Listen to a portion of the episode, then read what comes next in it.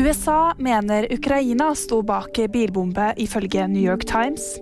Studiet viser at koronavaksinen kan påvirke mensen, og Gaute Grøtta Grav blir ordførerkandidat.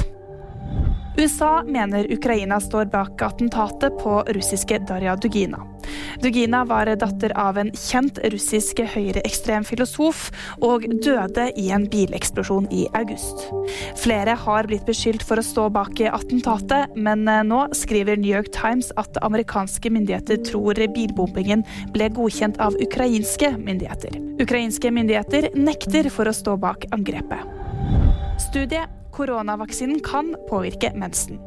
Mensen kommer ca. én dag senere enn normalt hos de 20 000 kvinnene som var med i en studie som nylig ble publisert av USAs nasjonale helseinstitutt. Også de første resultatene fra FHIs undersøkelser viste økt forekomst av mensenforstyrrelser hos unge kvinner etter vaksinering, men FHI sier at man fortsatt ikke kan si med sikkerhet at det er en sammenheng mellom vaksine og mensensyklus.